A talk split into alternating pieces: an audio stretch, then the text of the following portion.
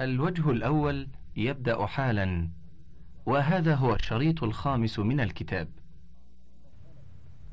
مسألة قال وإذا كان معه في السفر إناءان نجس وطاهر واشتبها عليه أراقهما ويتيمم.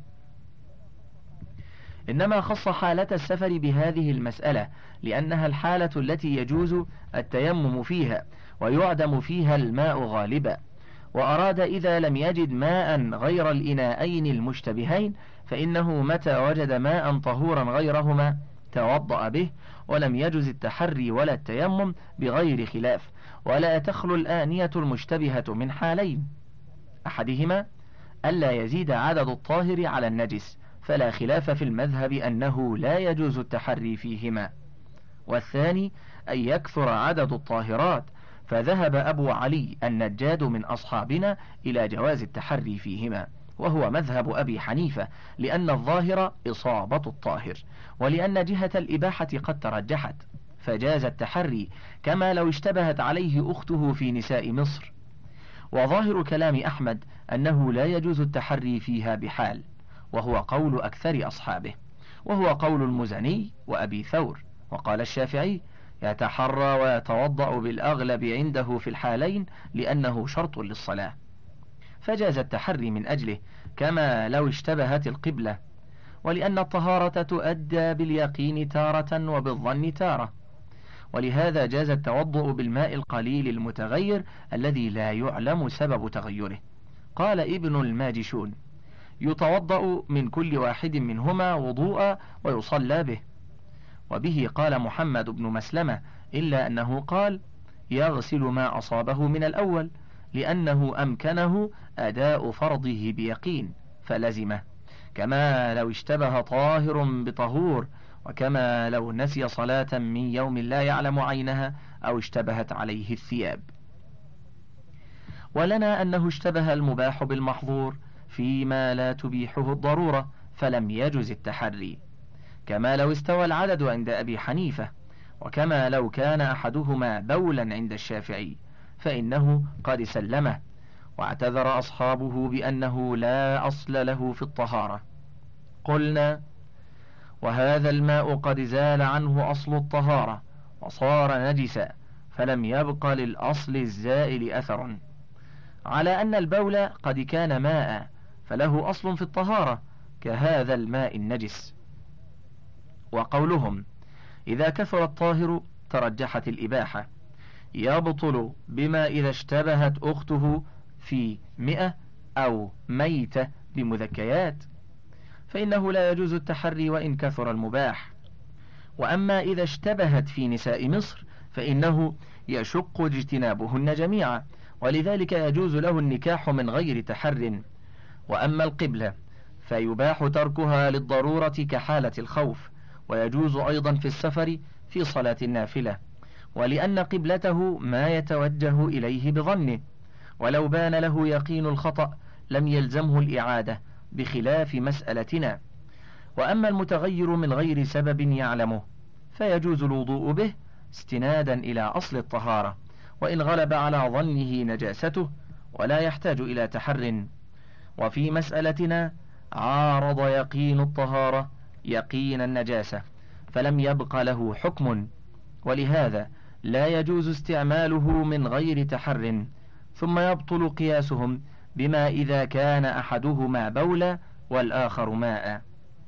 ويدل على صحة ما قلنا أنه لو توضأ من أحد الإناءين وصلى ثم غلب على ظنه في الصلاة الثانية أن الآخر هو الطاهر فتوضأ به وصلى من غير غسل أثر الأول فقد علمنا أنه صلى بالنجاسة يقينا وإن غسل أثر الأول ففيه حرج ونقض لاجتهاده باجتهاده ونعلم أن إحدى الصلاتين باطلة لا بعينها فيلزمه إعادتهما فإن توضأ من الأول فقد توضأ بما يعتقده نجسا وما قاله ابن الماجشون فباطل. فإنه يفضي إلى تنجيس نفسه يقينا. وبطلان صلاته إجماعا وما قاله ابن مسلمة ففيه حرج ويبطل بالقبلة فإنه لا يلزمه أن يصلي إلى أربع جهات. فصل وهل يجوز له التيمم قبل إراقتهما؟ عزيزي المستمع لا زلنا نتحدث في اشتباه ماءين على المسافر نجس وطاهر. وهل يجوز له التيمم قبل إراقتهما؟ على روايتين. إحداهما لا يجوز لأن معه ماء طاهرا بيقين. فلم يجوز له التيمم مع وجوده. فإن خلطهما أو أراقهما جاز له التيمم لأنه لم يبق معه ماء طاهر. والثانية يجوز التيمم قبل ذلك اختاره أبو بكر. وهو الصحيح لأنه غير قادر على استعمال الطاهر أشبه ما لو كان في بئر لا يمكنه استقاؤه.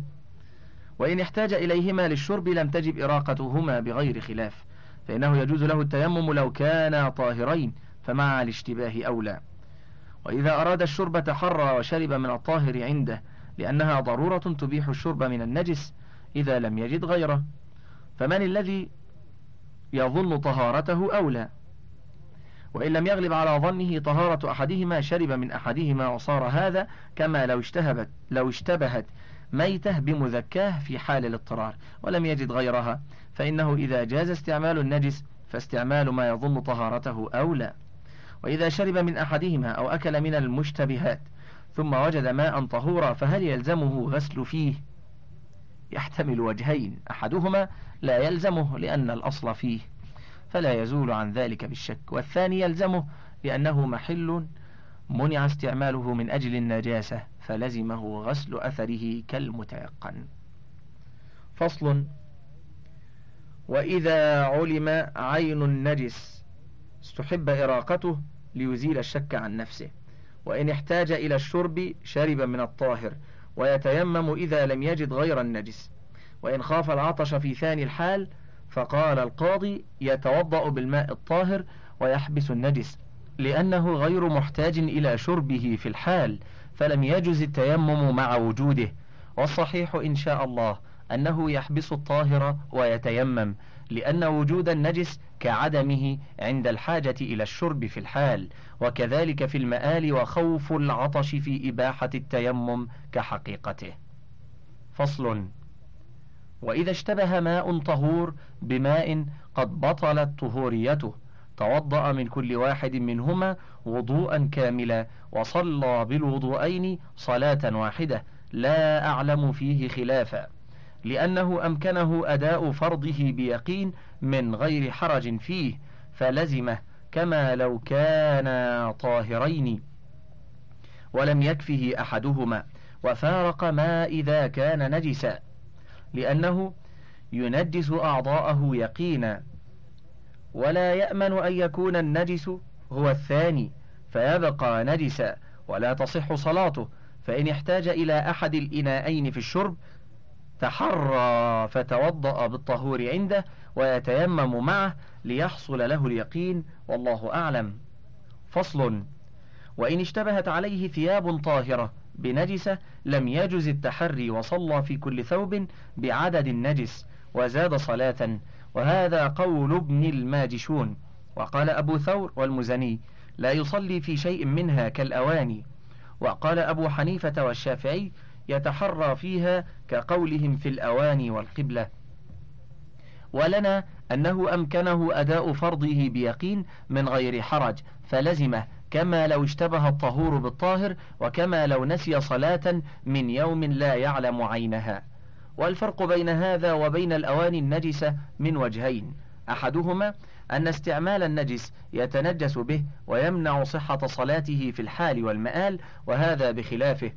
الثاني أن الثوب النجس تباح له الصلاة فيه إذا لم يجد غيره والماء النجس بخلافه. والفرق بينه وبين القبلة من وجوه. أحدها أن القبلة يكثر الاشتباه فيها فيشق اعتبار اليقين فسقط دفعا للمشقة وهذا بخلافه. الثاني أن الاشتباه ها هنا حصل بتفريطه لأنه كان يمكنه تعليم النجس أو غسله ولا يمكنه ذلك في القبلة. الثالث أن القبلة عليها أدلة من النجوم والشمس والقمر وغيرها فيصح الاجتهاد في طلبها ويقوى دليل الإصابة لها بحيث لا يبقى احتمال الخطأ إلا وهما ضعيفا بخلاف الثياب. فصل. فإن لم يعلم عدد النجس صلى فيما يتيقن به أنه صلى في ثوب طاهر فإن كثر ذلك وشق فقال ابن عقيل يتحرى في أصح الوجهين دفعا للمشقة والثاني لا يتحرى لأن هذا يندر جدا فلا يفرد بحكم. ويسحب عليه دليل الغالب. فصل. وإن ورد ماء فأخبره بنجاسته صبي أو كافر أو فاسق لم يلزمه قبول خبره لأنه ليس من أهل الشهادة ولا الرواية فلا يلزمه قبول خبره كالطفل والمجنون. وإن كان المخبر بالغا عاقلا مسلما غير معلوم فسقه وعين سبب النجاسة لزم قبول خبره سواء كان رجلا أو امرأة حرا أو عبدا معلوم العدالة أو مستور الحال. لأنه خبر ديني فأشبه الخبر بدخول وقت الصلاة. وإن لم يعين سببها فقال القاضي لا يلزمه قبول خبره لاحتمال اعتقاده نجاسة الماء بسبب لا يعتقده المخبر. كالحنفي يرى نجاسة الماء الكثير والشافعي يرى نجاسة الماء اليسير بما لا نفس له سائلة. والموسوس الذي يعتقد نجاسة بما لا ينجسه ويحتمل أن يلزم قبول خبره إذا انتفت هذه الاحتمالات في حقه. فصل. فإن أخبره أن كلبا ولغ في هذا الإناء لزم قبول خبره سواء كان بصيرا أو ضريرا لأن للضرير طريقا إلى العلم بذلك بالخبر والحس. وإن أخبره أن كلبا ولغ في هذا الإناء ولم يلغ في هذا. وقال آخر لم يلغ في الأول وإنما ولغ في الثاني وجب اجتنابهما. فيقبل قول كل واحد منهما في الإثبات دون النفي لأنه يجوز أن يعلم كل واحد منهما ما خفي على الآخر. إلا أن يعين وقتا معينا وكلبا واحدا يضيق الوقت عن شربه منهما فيتعارض قولاهما ويسقطان ويباح استعمال كل واحد منهما فإن قال أحدهما شرب من هذا الإناء وقال الآخر نزل ولم يشرب قدم قول المثبت إلا أن يكون لم يتحقق شربه مثل الضرير الذي يخبر عن حسه فيقدم قول البصير والله أعلم فصل إذا سقط على إنسان من طريق ماء لم يلزمه السؤال عنه لأن الأصل طهارته. قال صالح سألت أبي عن الرجل يمر بالموضع فيقطر عليه قطرة أو قطرتان. فقال إن كان مخرجا يعني خلاء فاغسله وإن لم يكن مخرجا فلا يسأل عنه. فإن عمر رضي الله عنه مر هو وعمرو بن العاص على حوض فقال عمرو يا صاحب الحوض أترد على حوضك السباع؟ فقال عمر يا صاحب الحوض لا تخبرنا. فإنا نرد عليها وترد علينا. رواه مالك في الموطأ. فإن سأل فقال ابن عقيل لا يلزم المسؤول رد الجواب لخبر عمر ويحتمل أن يلزمه لأنه سئل عن شرط الصلاة فلزمه الجواب إذا علم كما لو سئل عن القبلة. وخبر عمر رضي الله عنه يدل على أن سؤر السباع غير نجس. والله أعلم. باب الآنية. الصفحة السادسة والستون. مسألة. قال أبو القاسم رحمه الله وكل جلد ميتة دبغ أو لم يدبغ فهو نجس. لا يختلف المذهب في نجاسة الميتة قبل الدبغ ولا نعلم أحدا خالف فيه. وأما بعد الدبغ فالمشهور في المذهب أنه نجس أيضا وهو إحدى الروايتين عن مالك ويروى ذلك عن عمر وابنه عبد الله بن عمر رضي الله عنهما وعمران بن حسين وعائشة رضي الله عنهم وعن أحمد رواية أخرى أنه يطهر منها جلد ما كان طاهرا في حال الحياة وروي نحو هذا عن عطاء والحسن والشعبي والنخعي وقتادة ويحيى الأنصاري وسعيد بن جبير والأوزاعي والليث والثوري وابن المبارك وإسحاق وروي ذلك عن عمر وابن عباس وابن مسعود وعائشة رضي الله عنهم مع اختلافهم فيما هو طاهر في الحياة وهو مذهب الشافعي وهو يرى طهارة الحيوانات كلها إلا الكلب والخنزير. فيطهر عنده كل جلد إلا جلدهما وله في جلد الآدمي وجهان. وقال أبو حنيفة يطهر كل جلد بالدبغ إلا جلد الخنزير. وحكي عن أبي يوسف أنه يطهر كل جلد وهو رواية عن مالك. ومذهب من حكم بطهارة الحيوانات كلها لأن النبي صلى الله عليه وسلم قال إذا دبغ الإهاب فقد طهر. متفق عليه. ولأن رسول الله صلى الله عليه وسلم وجد شاة ميتة أعطيتها مولاة لميمونة من الصدقة. فقال رسول الله صلى الله عليه وسلم هل انتفعتم بجلدها؟ قالوا إنها ميتة. قال إنما حرم أكلها. وفي لفظ ألا أخذوا إهابها فدبغوه فانتفعوا به متفق عليه. ولأنه إنما نجس باتصال الدماء والرطوبات به بالموت والدبغ يزيل ذلك فيرتد الجلد إلى ما كان عليه في حال الحياة. ولنا ما روى عبد الله بن عكيم أن النبي صلى الله عليه وسلم كتب إلى جهينة إني كنت رخصت لكم في جلود الميتة. فإذا جاءكم كتابي هذا فلا تنتفعوا من الميتة بإهاب ولا عصب. رواه أبو داود في سننه والإمام أحمد في مسنده.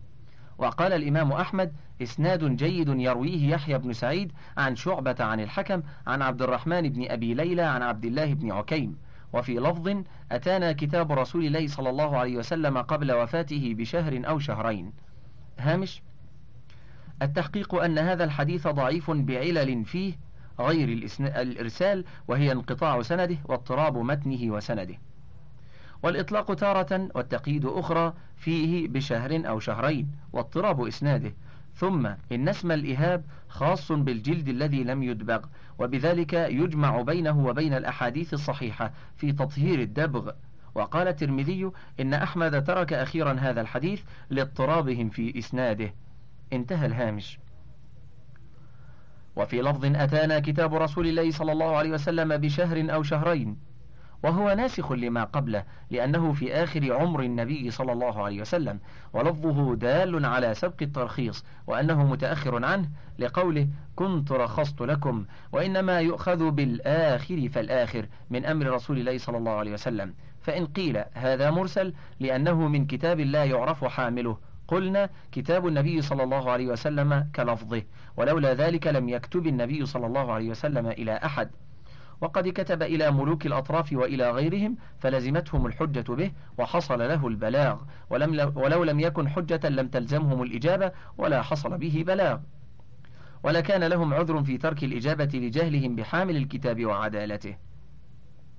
وروى أبو بكر الشافعي بإسناده عن أبي الزبير عن جابر أن النبي صلى الله عليه وسلم قال لا تنتفعوا من الميتة بشيء وإسناده حسن ولأنه جزء من الميتة فكان محرما لقوله تعالى حرمت عليكم الميتة فلم يطهر بالدبغ كاللحم ولأنه حرم بالموت فكان نجسا كما قبل الدبغ.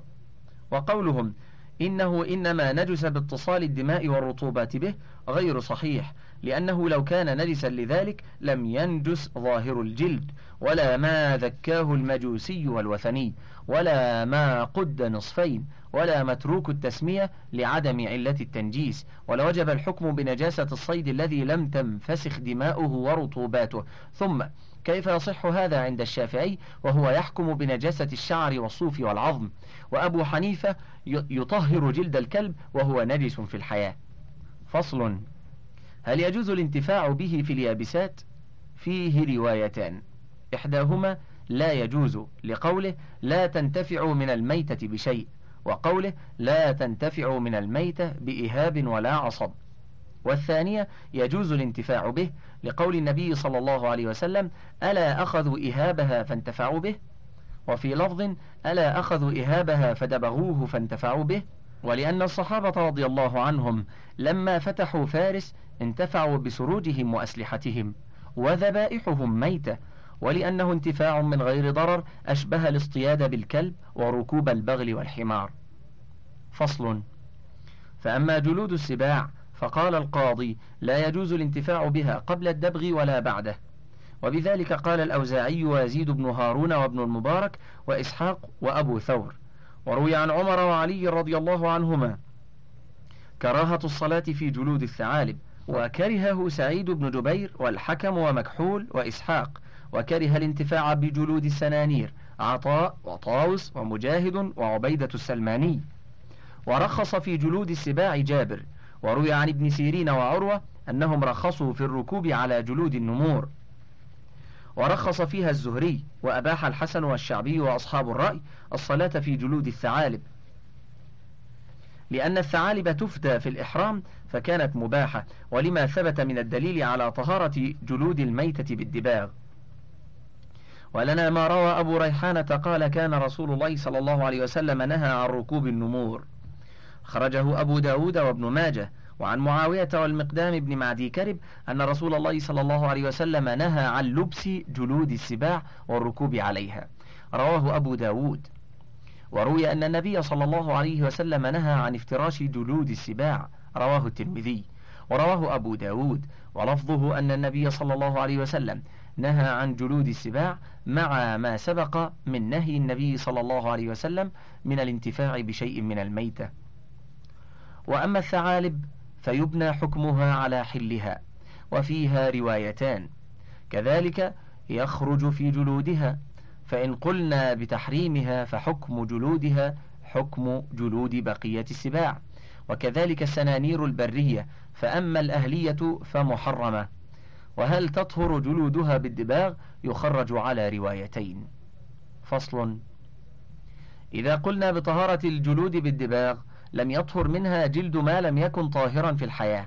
نص أحمد على أنه يطهر وقال بعض أصحابنا لا يطهر إلا ما كان مأكول اللحم وهو مذهب الأوزاعي وأبي ثور وإسحاق لأنه روي عن النبي صلى الله عليه وسلم أنه قال دباغ الأديم ذكاته فشبه الدبغ بالذكاة والذكاة إنما تعمل في مأكول اللحم ولأنه أحد المطهرين للجلد فلم يؤثر في غير مأكول الذبح. وظاهر كلام أحمد أن كل طاهر في الحياة يطهر بالدبغ لعموم لفظه في ذلك. ولأن قوله عليه السلام أيما إهاب دبغ فقد طهر يتناول المأكول وغيره. خرج منه ما كان نجسا في الحياة لكون الدبغ إنما يؤثر في دفع نجاسة حادثة بالموت فيبقى فيما عداه على قضية العموم. وحديثهم يحتمل أنه أراد بالذكاة التطيب من قولهم رائحة ذكية أي طيبة وهذا يطيب الجميع. ويدل على هذا أنه أضاف الذكاة إلى الجلد خاصة والذي يختص به الجلد هو تطييبه وطهارته. أما الذكاة التي هي الذبح فلا تضاف إلا إلى الحيوان كله. ويحتمل أنه أراد بالذكاة الطهارة فسمى الطهارة ذكاة. فيكون اللفظ عاما في كل جلد فيتناول ما اختلفنا فيه. فصل ولا يحل أكله بعد الدبغ في قول أكثر أهل العلم. وحكي عن ابن حامد أنه يحل وهو وجه لأصحاب الشافعي لقوله دباغ الأديم ذكاته ولأنه معنى يفيد الطهارة في الجلد فأباح الأكل كالذبح. ولنا قوله تعالى حرمت عليكم الميتة والجلد منها.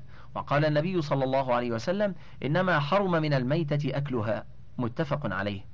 ولأنه جزء من الميتة فحرم أكله كسائر أجزائها ولا يلزم من الطهارة إباحة الأكل بدليل الخبائث مما لا ينجس بالموت ثم لا يسمع قياسهم في ترك كتاب الله وسنة رسوله صلى الله عليه وسلم. فصل. ويجوز بيعه وإجارته والانتفاع به في كل ما يمكن الانتفاع به فيه سوى الأكل لأنه صار بمنزلة المذكى في غير الأكل. ولا يجوز بيعه قبل دبغه لأنه نجس متفق على نجاسة عينه فأشبه الخنزير. فصل. ويفتقر ما يدبغ به إلى أن يكون منشفا للرطوبة منقيا للخبث كالشب والقرض. قال ابن عقيل ويشترط كونه طاهرا. فإن كان نجسا لم يطهر الجلد لأنها طهارة من نجاسة فلم تحصل بنجس كالاستجمار والغسل.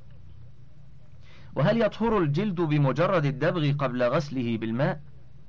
فيه وجهان. أحدهما لا تحصل لقول النبي صلى الله عليه وسلم في جلد الشاة الميتة يطهرها الماء والقرض. رواه أبو داود. ولأن ما يدبغ به نجس بملاقاة الجلد. فإذا اندبغ الجلد بقيت الآلة نجسة فتبقى نجسة الجلد لملاقاتها له فلا يزول إلا بالغسل. والثاني يطهر لقوله عليه السلام أيما إهاب دبغ فقد طهر. ولأنه طهر بانقلابه فلم يفتقر إلى استعمال الماء كالخمرة إذا انقلبت خلا. والأول أولى. والخبر والمعنى يدلان على طهارة عينه ولا يمنع ذلك من وجوب غسله من نجاسة تلاقيه. كما لو أصابته نجاسة سوى آلة الدبغ أو أصابته آلة الدبغ بعد فصله عنها. فصل ولا يفتقر الدبغ إلى فعل لأنها إزالة نجاسة فأشبهت غسل الأرض. فلو وقع جلد ميتة في في مدبغة بغير فعل فاندبغ طهر. كما لو نزل ماء السماء. على أرض نجسة طهرها.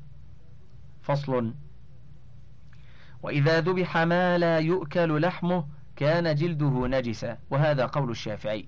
وقال أبو حنيفة ومالك يطهر لقول النبي صلى الله عليه وسلم دباغ الأديم ذكاته أي كذكاته فشبه الدبغ بالذكاء والمشبه به أقوى من المشبه. فإذا ظهر الدبغ مع ضعفه فالذكاة أولى ولأن الدبغ يرفع العلة بعد وجودها والذكاة تمنعها والمنع أقوى من الرفع.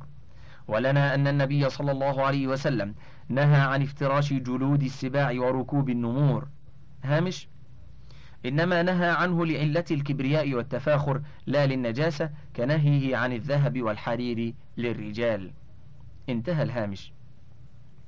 ولنا أن النبي صلى الله عليه وسلم نهى عن افتراش جلود السباع وركوب النمور وهو عام في المذكى وغيره ولأنه ذبح لا يطهر اللحم فلم يطهر الجلد كذبح المجوسي أو ذبح غير مشروع فأشبه الأصل والخبر قد أجبنا عنه فيما مضى ثم نقول إن الدبغ إنما يؤثر في مأكول اللحم فكذلك ما شبه به. ولو سلمنا أنه يؤثر في تطهير غيره فلا يلزم حصول التطهير بالذكاء لكون الدبغ مزيلا للخبث والرطوبات كلها مطيبا للجلد على وجه يتهيأ به للبقاء على وجه لا يتغير والذكاة لا يحصل بها ذلك فلا يستغنى بها عن الدبغ. وقولهم المشبه أضعف من المشبه به غير لازم فإن الله تعالى قال في صفة الحور كأنهن بيض مكنون وهن أحسن من البيض. والمرأة الحسناء تشبه بالظبية وبقرة الوحش وهي أحسن منهما. وقولهم إن الدبغ يرفع العلة ممنوع فإننا قد بينا أن الجلد لم ينجس لما ذكرناه وإن سلمنا فإن الذبح لا يمنع منها.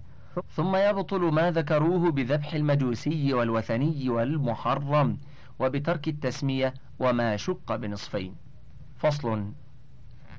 ظاهر المذهب أنه لا يطهر شيء من النجاسات بالاستحالة إلا الخمرة. إذا انقلبت بنفسها خلا وما عداها لا يطهر كالنجاسات إذا احترقت فصارت رمادا فالخنزير إذا وقع في الملاحة وصار ملحا. والدخان المترقي من وقود النجاسة والبخار المتصاعد من الماء النجس. إذا اجتمعت منه نداوة على جسم صقيل ثم قطر فهو نجس. ويتخرج أن تطهر النجاسات كلها بالاستحالة قياسا على الخمرة إذا انقلبت وجلود الميتة إذا دبغت والجلالة إذا حبست. والأول ظاهر المذهب. وقد نهى إمامنا رحمه الله عن الخبز في تنور شوي فيه خنزير. مسألة قال كذلك آنية عظام الميتة. يعني أنها نجسة وجملة ذلك أن عظام الميتة نجسة سواء كانت ميتة ما يؤكل أو ما لا يؤكل لحمه كالفيلة ولا يطهر بحال. وهذا مذهب مالك والشافعي وإسحاق. وكره عطاء وطاوس والحسن وعمر بن عبد العزيز رضي الله عنهم عظام الفيلة. ورخص في الانتفاع بها محمد بن سيرين وغيره وابن جريج. لما روى أبو داود بإسناده عن ثوبان أن رسول الله صلى الله عليه وسلم اشترى لفاطمة رضي الله عنها قلادة من عصب وسوارين من عاج. ولنا قول الله تعالى حرمت عليكم الميتة والعظم من جملتها فيكون محرما. هامش. احتج آنفا بحديث إنما يحرم من الميتة أكلها وهو حصر فيخرج العظم. وقد أطال شيخ الإسلام ابن تيمية الكلام في تصويب طهارة العظم والقرن والظفر. ذكر أنه مذهب أبي حنيفة وقول لمالك وأحمد. انتهى الهامش. انتهى الوجه الأول. فضلا اقلب الشريط.